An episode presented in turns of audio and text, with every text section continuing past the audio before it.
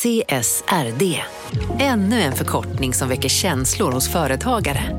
Men lugn, våra rådgivare här på PWC har koll på det som din verksamhet berörs av. Från hållbarhetslösningar och nya regelverk till affärsutveckling och ansvarsfulla AI-strategier.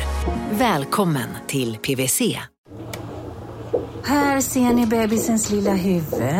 Åh, vad... Men vad, vadå, menar du att huvudet är litet? Nej, det är väl som ett 18 volts batteripack från Bosch. Vet du lite för mycket om byggprodukter? Vi är med. -bygg. Bygghandeln med stort K. Välkommen till Momang, ett nytt smidigare kasino från Svenska Spel, Sport och Casino där du enkelt kan spela hur lite du vill. Idag har vi en stjärna från spelet Starburst här som ska berätta hur smidigt det är. Jaha, så smidigt alltså. Momang, för dig över 18 år. Stödlinjen.se.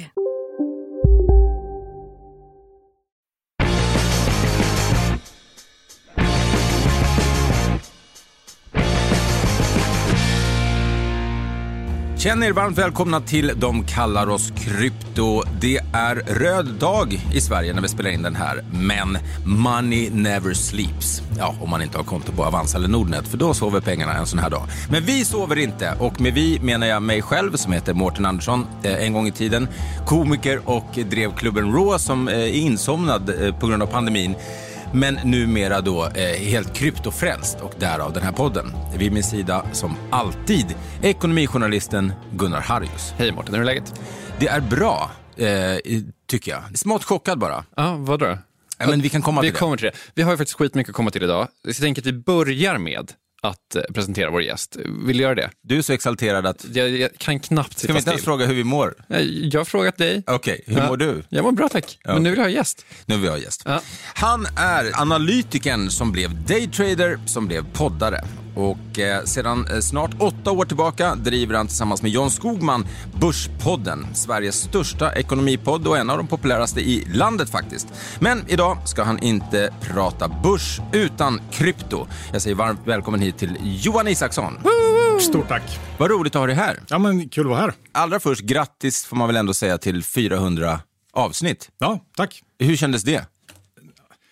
Det är ändå 400 avsnitt, 400 veckor i rad utan uppehåll. Så det är ändå någon typ av, det, det kändes kul. Det blir inte lite svindel ändå när man liksom tänker på Jo, hur, hur många råd du har gett under de här åren? Nej, men det är ju någonting med att bara kämpa på sådär och göra sin sak, liksom eh, fortsätta vecka ut och vecka in, som är lite tillfredsställande på något sätt. Och det, det kan jag uppskatta att titta tillbaks på. Ja. Vi kommer såklart komma till din relation eh, till krypto eh, och din så kallade kryptoresa. Men vi ska bara börja all, alldeles först med en grej som hände precis innan vi gick in i studion. Nämligen att Elon Musk, som så ofta dyker upp när det handlar om krypto i nyheterna, har nu gått ut och sagt att Tesla kommer sluta ta emot bitcoin som betalning. Och det här då därför att bitcoin är för mycket av en energitjuv och eh, man kan då inte längre stå bakom det här. Ehm, och jag vet inte, eh, vad, vad är din, vi börjar direkt med dig Johan. Vad, vad, var din, vad är din kommentar till, till den här nyheten? Ja, det kommer lite oväntat, eh, tycker jag.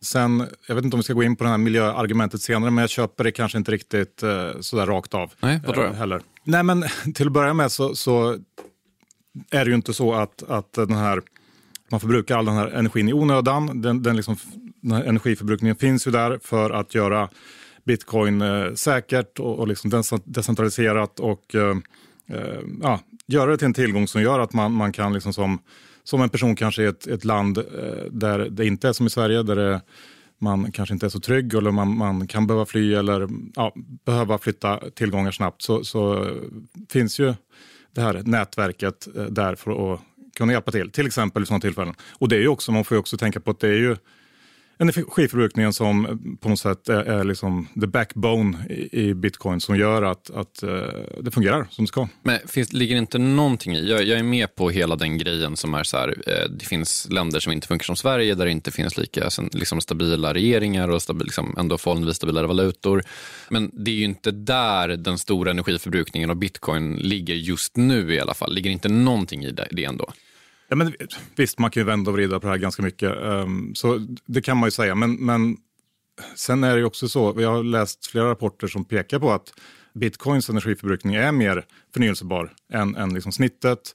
Och eh, det finns ju det här Arcs white paper som pekar på att, att bitcoin mining egentligen skulle kunna driva på eh, övergången till förnyelsebar energi om man, man gör det på ett visst sätt. Man, man kopplar ihop sol och vindenergi med mining och på så sätt kan utnyttja de här svängningarna i, i eh, förnyelsebar energi som är, är lite problematiska i dagsläget. Ehm, så det, det där kan man läsa ganska mycket om och det är en ganska intressant take på det tycker jag. En sak som jag tycker är lite konstig i det här är, är ju hur ett bolag av Teslas dignitet och storlek och en person av, med Elon Musk, liksom, hans betydelse, kan svänga så pass snabbt. För det är inte många månader sedan Tesla då köpte 1,5 miljarder US-dollar i värde då i bitcoin. Och sen bara några månader senare så går man ut och, och säger att, alltså de har inte sålt sina bitcoin. De sålde 10 procent härom om veckan, men, men de behåller sitt. De är väldigt tydliga med det också i det här meddelandet, att de säljer inte sina bitcoin, de tror på det på sikt, men de kan inte försvara det. Men jag menar, det, ingenting har ju förändrats med bitcoin sedan de köpte, så vad är det egentligen som har hänt? För att eh, det är ju samma ja, produkt. Ja, jag håller med. Elon Musk är ju som han är, det är ju lite av en gåta den mannen. Men man kan också spekulera i om, om det finns någon typ av påtryckning eh, liksom inom Tesla eller eh, från ett annat håll som, som har föranlett det här. Det är svårt att säga. Vi får se om det dyker upp mer info vad det lider kring den här tweeten. För det är egentligen bara en tweet från Elon Musk som, som mm. har det enda som har kommit ut, vad jag vet i alla fall. Ja, och det tycker jag är intressant. För att ligger inte någon, alltså är det inte någonting då med att den här personen som du själv beskriver, alltså så här, han, han, han har ju grejer för sig. Har inte han lite för stor påverkan på hela liksom, kryptospacet för att man ska kunna liksom, känna sig trygg inom det? Ja, men jag, jag tror att man, man lite får lugna ner sig också när det gäller det här och zooma ut lite grann. Mm. Eh, ja, det är Elon Musk som har twittrat, det är liksom inte hela världen utan man får liksom sansa sig lite bara. When in doubt, zoom out. You know, he's on Saturday Night Live one second and then, you know, a couple of days later he drops this bombshell. What what do you think is happening? Look, I think that we've got to just kind of stick to the facts, right? Elon Musk is still long billions of dollars of Bitcoin, and he's not selling it because of this kind of energy narrative. Han sa ju att de fortfarande trodde på eh, kryptovalutor och att de skulle titta på mer miljövänliga kryptovalutor som eh, investeringsalternativ. Eh, och ingen finansiell rådgivning och så vidare. Men, men... men du och jag googlade direkt vilka valutor som är mest miljövänliga. Ja men såklart. Alltså, så här, det, det tycker jag liksom är bara en relevant sak att tänka på som typ moralisk människa överhuvudtaget. Så här, vad, vad, vad har man för miljö, miljöpåverkan? Personligen också. Liksom. Mm. Förhoppningsvis så kan det leda till att, att den här utvecklingen med mer eh, förnyelsebar mining drivs på av det här. Så det kan ju leda till, till eh, ja, någonting positivt på sikt.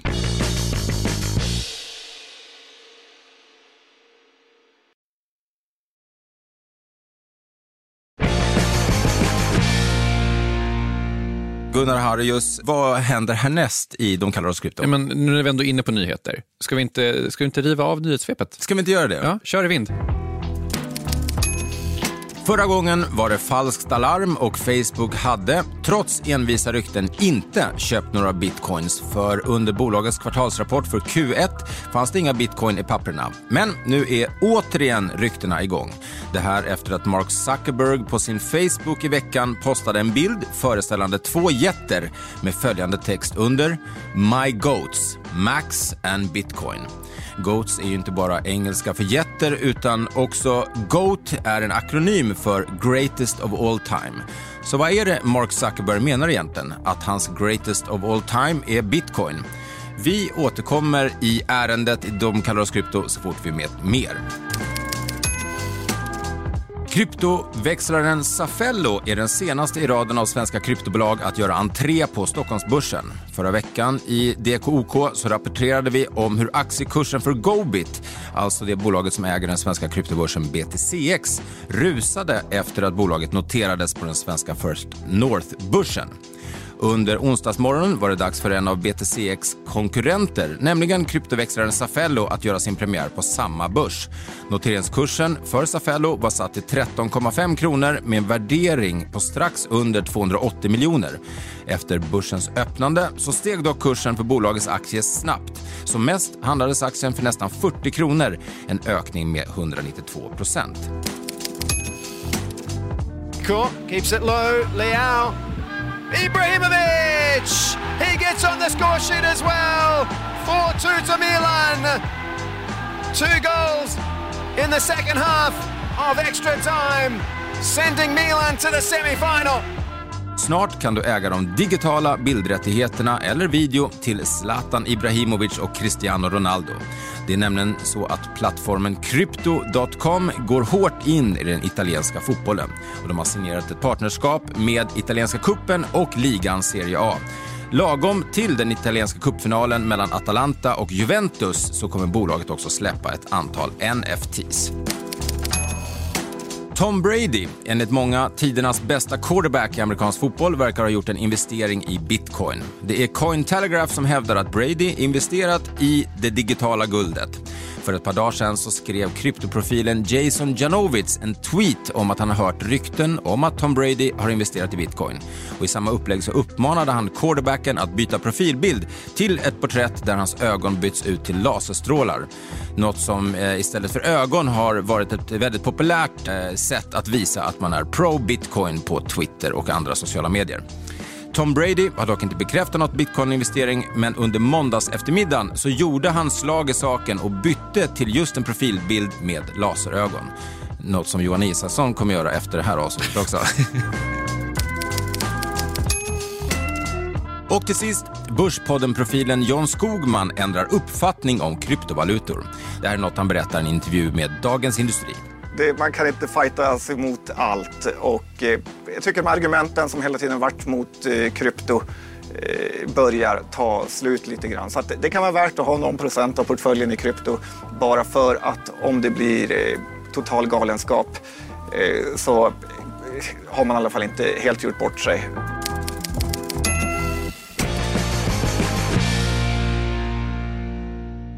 Wow. Långt nyhetssvep. Ja. Ja, men Johan, din kollega John, vad är det som har hänt? Ja, vad är det som har hänt? Har han börjat vika sig för dig? Liksom? Ja, är det du så. som har kört över honom? Malt ner honom ja. under flera års tid. Och vad har dina eh, huvudargument varit för att få med honom på kryptoresan? För mig så börjar ju det här intresset, egentligen får man nog backa till finanskrisen eh, 2008 när jag jobbade som analytiker då och, och liksom genomlevde det.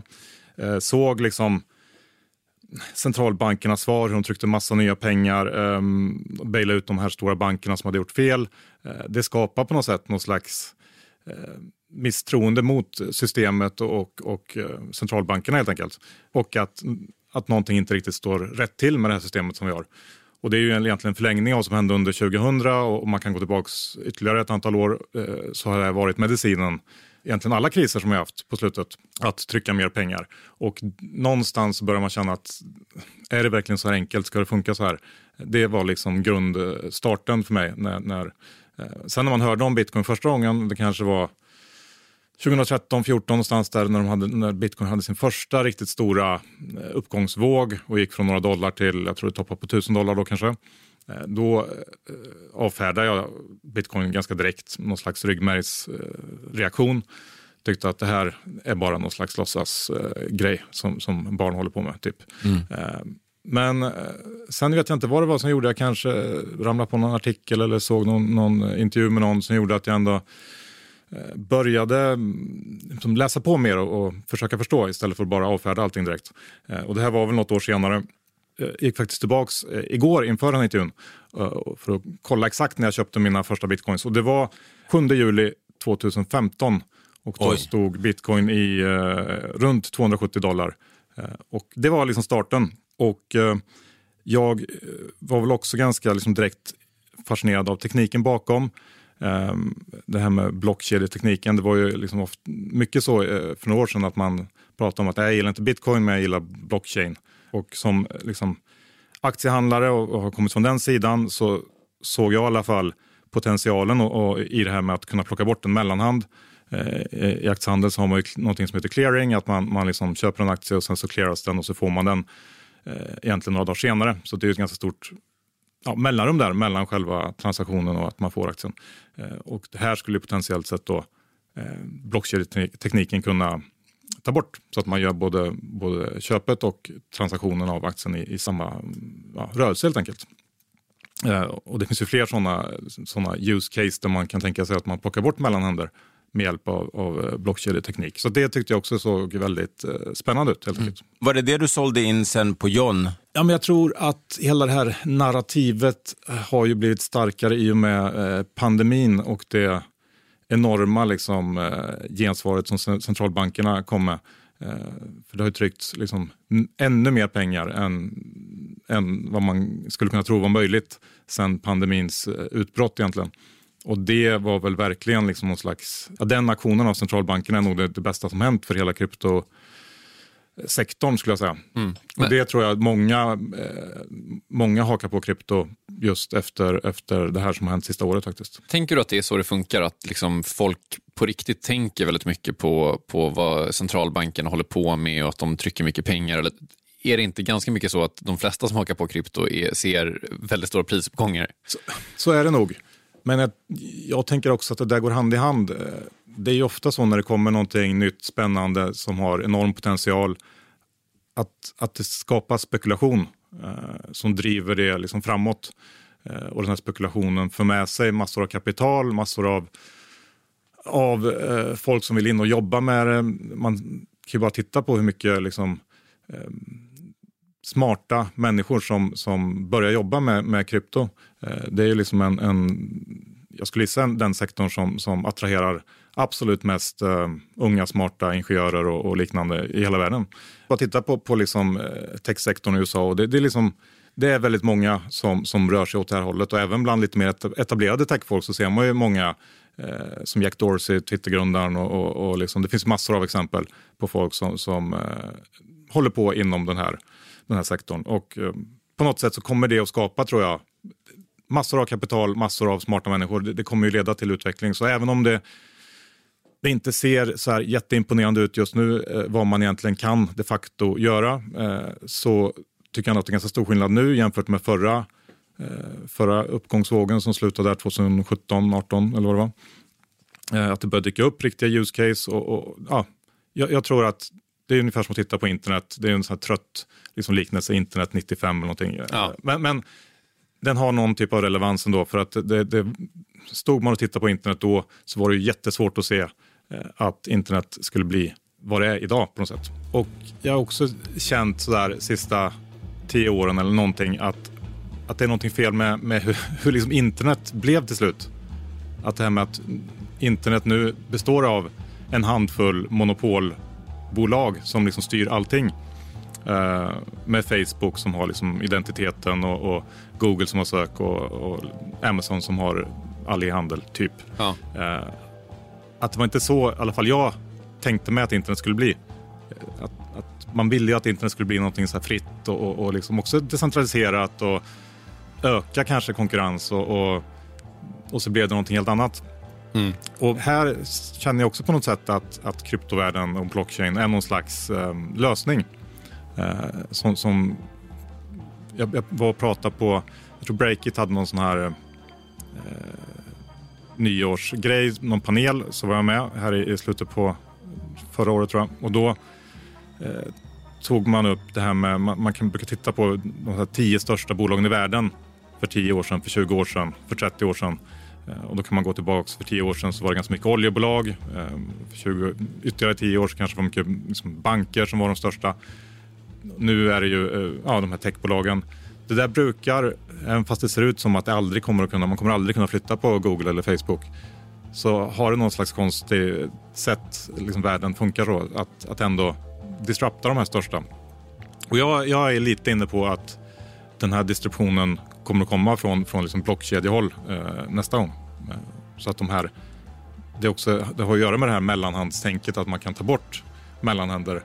För många av de här, de här största bolagen nu är ju egentligen mellanhänder som liksom sätter sig mellan konsument och, och, företag och tjänar väldigt mycket på det. Jag tycker eh, det här absolut sista är väl, det är väl den stora, stora utzoomningen. Eh, om vi pratar Absolut. om att... eh, ja, det är ingenting ut, som, liksom. som händer nästa eh, höst. Liksom. Nej, exakt. Men det är väl desto viktigare att tänka på att den utzoomningen finns. Liksom, och att, eh, Och det är det jag vill, vill liksom, det är därför jag lite grann jag är med och vill vara med i det här spacet. Och Mm. liksom, för jag, jag tror också att, det låter ju jäkligt klyschigt, men att det blir liksom en bättre värld av det. Förhoppningsvis. Jag kan känna lite så här äh, att ehm, kan man, underskattar man inte lite typ hur ehm, bara skönt och bekvämt det är att eh, deala med pengar så som de flesta dealar med pengar idag. Alltså liksom vanans makt är väldigt stor och att man det är rätt skönt att tänka att Stefan Ingves har koll på grejer och att Riksbanken, liksom, och att man kan betala skatt i svenska kronor är ju liksom ett instrument för att, för att svenska kronor har ett värde. Liksom.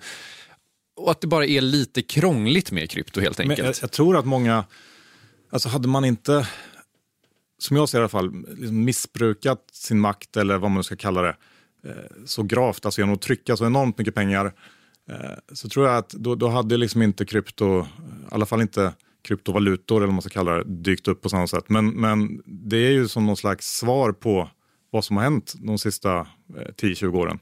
Och jag tror att det blir mer och mer uppenbart för allt fler att det här är någonting som är konstigt. Och det är bara att kolla på alltså, allt som har någon typ av värde, någonting som man, allt som man vill eh, köpa går upp i pris. Även om man, man säger att det finns ingen inflation. Eh, nu får vi se om det kommer igång. Det kom ju en, en liksom stark inflationssiffra i USA här i, igår.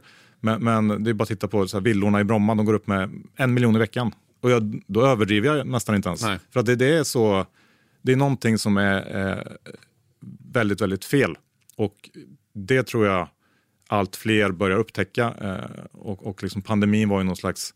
Man brukar säga att pandemin snabbspolar digitaliseringen. Jag tror man kan säga att de snabb, den snabbspolar även Eh, utvecklingen inom krypto och liksom adaptionen av krypto. Men om man kollar historiskt vad som brukar hända när man får, når hyperinflation så är det ju typ eh, revolution och återstart av samhället från noll liksom, snarare än att det skulle vara liksom någon slags teknisk övertagande. Det jag är inne på är liksom att när man når hyperinflation, som, som ju en miljon i veckan i Bromma är, det som händer är att arbetarna åker ut i Bromma och bränner ner de villorna snarare än att de börjar köpa kryptovalutor. Ja, det kan man, det kan man ju säga. är det här ett hot? Och, och, och, men alltså, lite. Om man vill se det från den sidan så, så går det att argumentera för att vi har redan sett liksom, strömningar åt det hållet. Att det är ju, samhället är ju mer eh, uppdelat än någonsin egentligen. Klyftorna är större än någonsin. Eh, de rika blir rikare, de fattiga fattigare. Eh, och det är också centralbankernas fel. Tyvärr, men det är ju så. Mm, nej, har man haft tillgångar så, så har det varit helt fantastiska år. För att man har blivit så fruktansvärt rik på att äga bara. Ja, det finns har två valutor haft, i Sverige. Ja, har man inte haft tillgångar då, då, då blir man, har man blivit ännu fattigare på något sätt. Yep.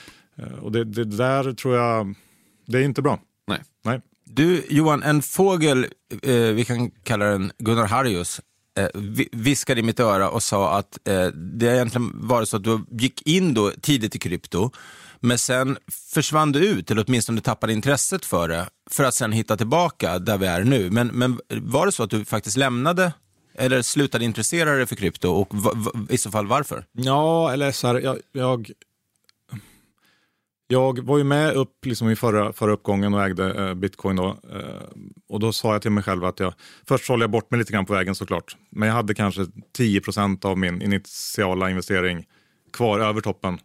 Eh, och då sa jag att jag håller det här tills det vänder ner. Och så gick det upp till 20 000 och så vände det ner och så, så ja, sålde jag av kanske 15, 14, 13 000 någonting. Så att jag, jag prickade inte alls toppen. Eh, och sen så blev det någon slags kryptovinter. Det hände inte så mycket. Det var ganska dött allting. Jag har all, hållit kvar ett litet innehav hela tiden sådär, för att hålla koll. Tog lite av, av bitcoinvinsterna och gick in i ett onoterat svenskt bolag som håller på med, med krypto, Chromaway.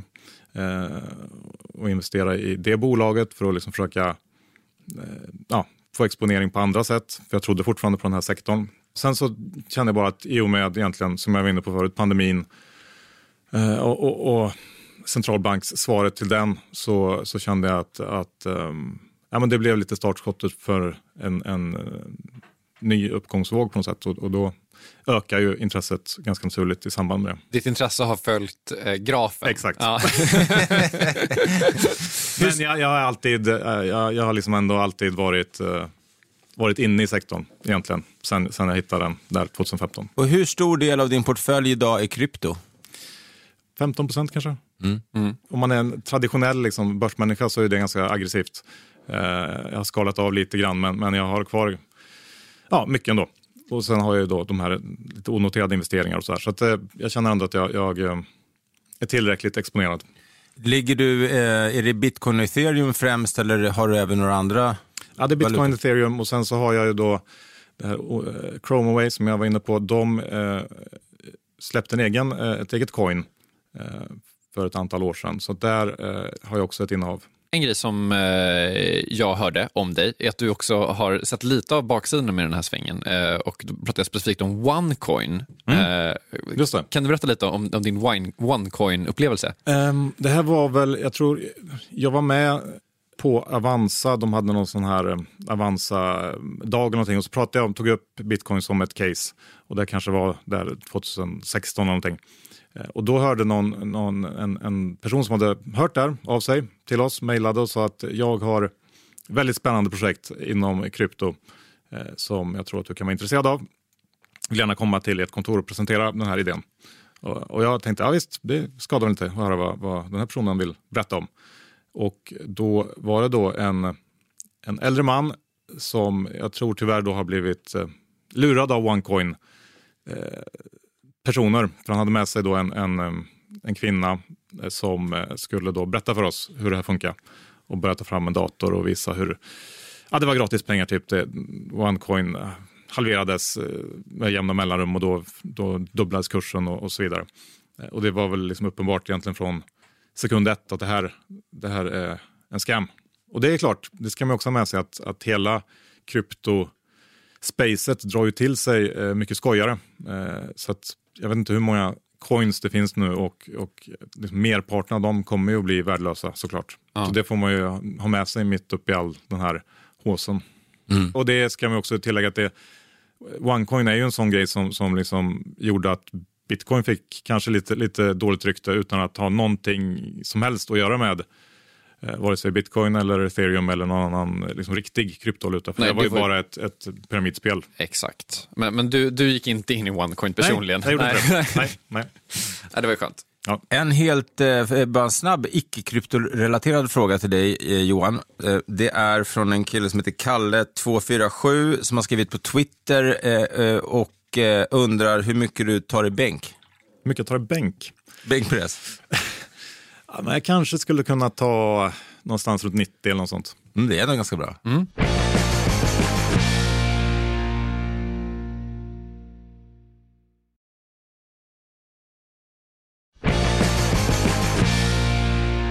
Från bänk till någonting eh, helt annat. Det är nämligen dags för vår eh, kryptoskola som den här veckan handlar om eh, mining.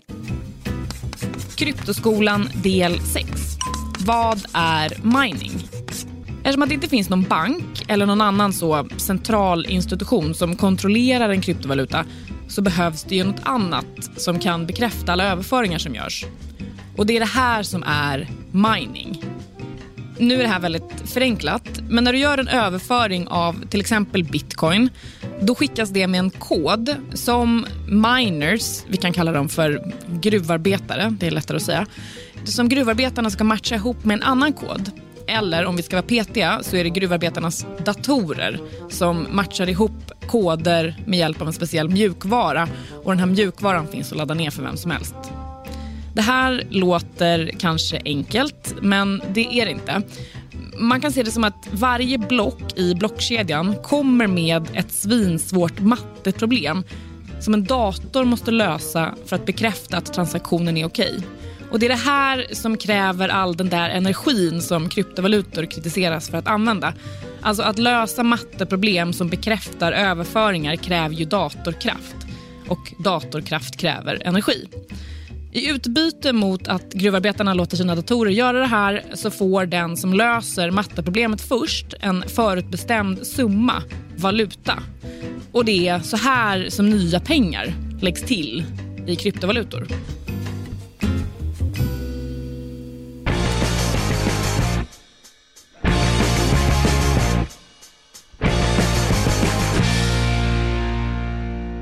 Tack för det. Alltid lika roligt att följa Kryptoskolan. Hoppas ni satt snällt i skolbänkarna och lyssnade. Tack Åsa Secker.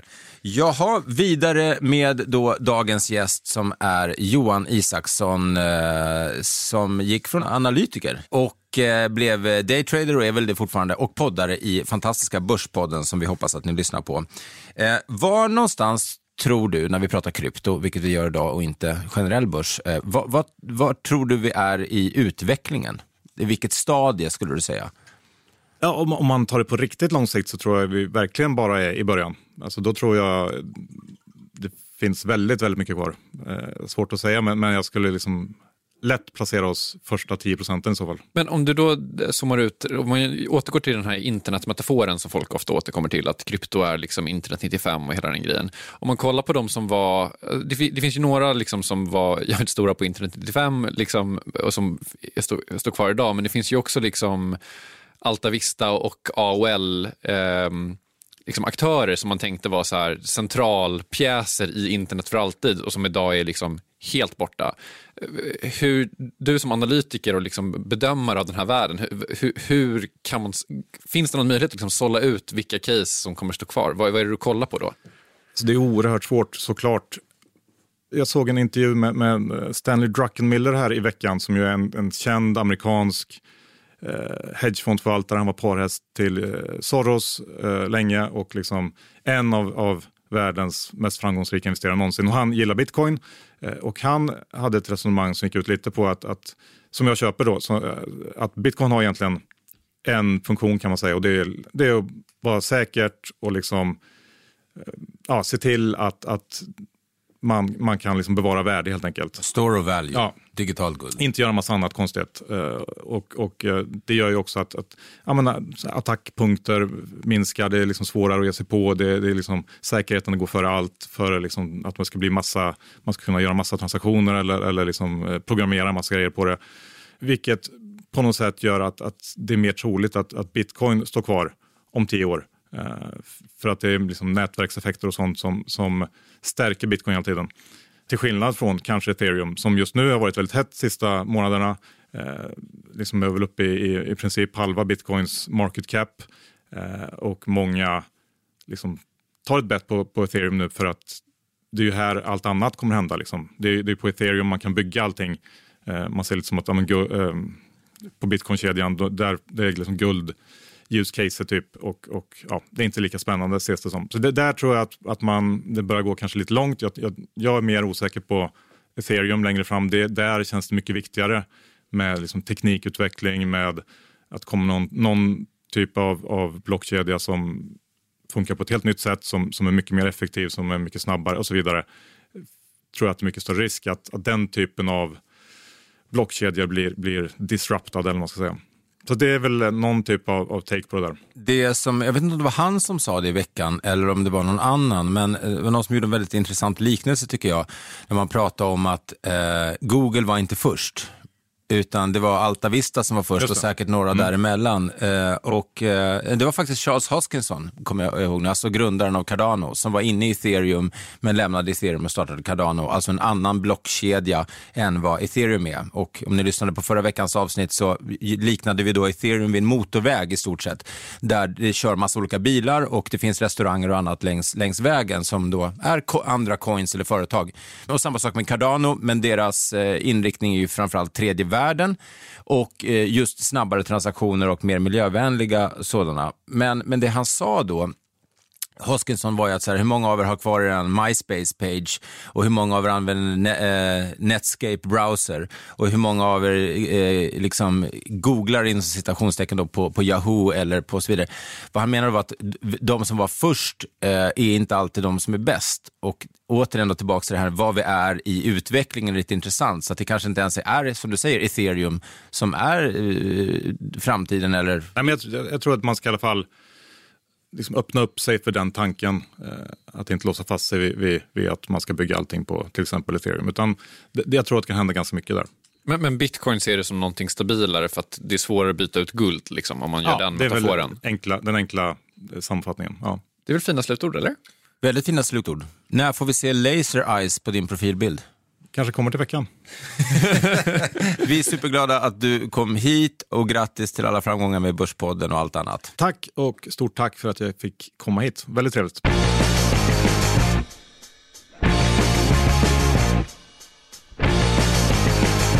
Det var det hela. Det var det hela. Ja, nästa vecka kommer Totte Lövström hit. Han är vd för eh, Trio och då är det liksom den stora utzoomade, på tal om utzoomning, eh, utzoomade avsnittet om, eh, om bitcoin. Ja, och det kommer finnas massor att prata med honom om såklart. Har ni några frågor till oss eh, som sitter här eller någon av våra gäster eller våra experter så vet ni att ni kan ringa in på telefonnumret som Gunnar, hör och häpna, har lärt sig utan till och det kommer här. 010 750 0981. 010 750 0981 och har du en dialekt så kommer du prioriteras eh, i frågelådan. Yes. Följ oss på Twitter, där heter vi DKO Krypto. På alla andra ställen heter vi De kallar oss krypto. Det är lätt att komma ihåg. Ja, toppen. Tack för idag Johan Isaksson, fantastisk gäst. Tack för idag Gunnar Harrius, Tack, lysande Mårten. bisittare och jag själv som är programledare heter Mårten Andersson. Hoppas vi hörs nästa vecka när det är tisdag. Puss och kram. Puss.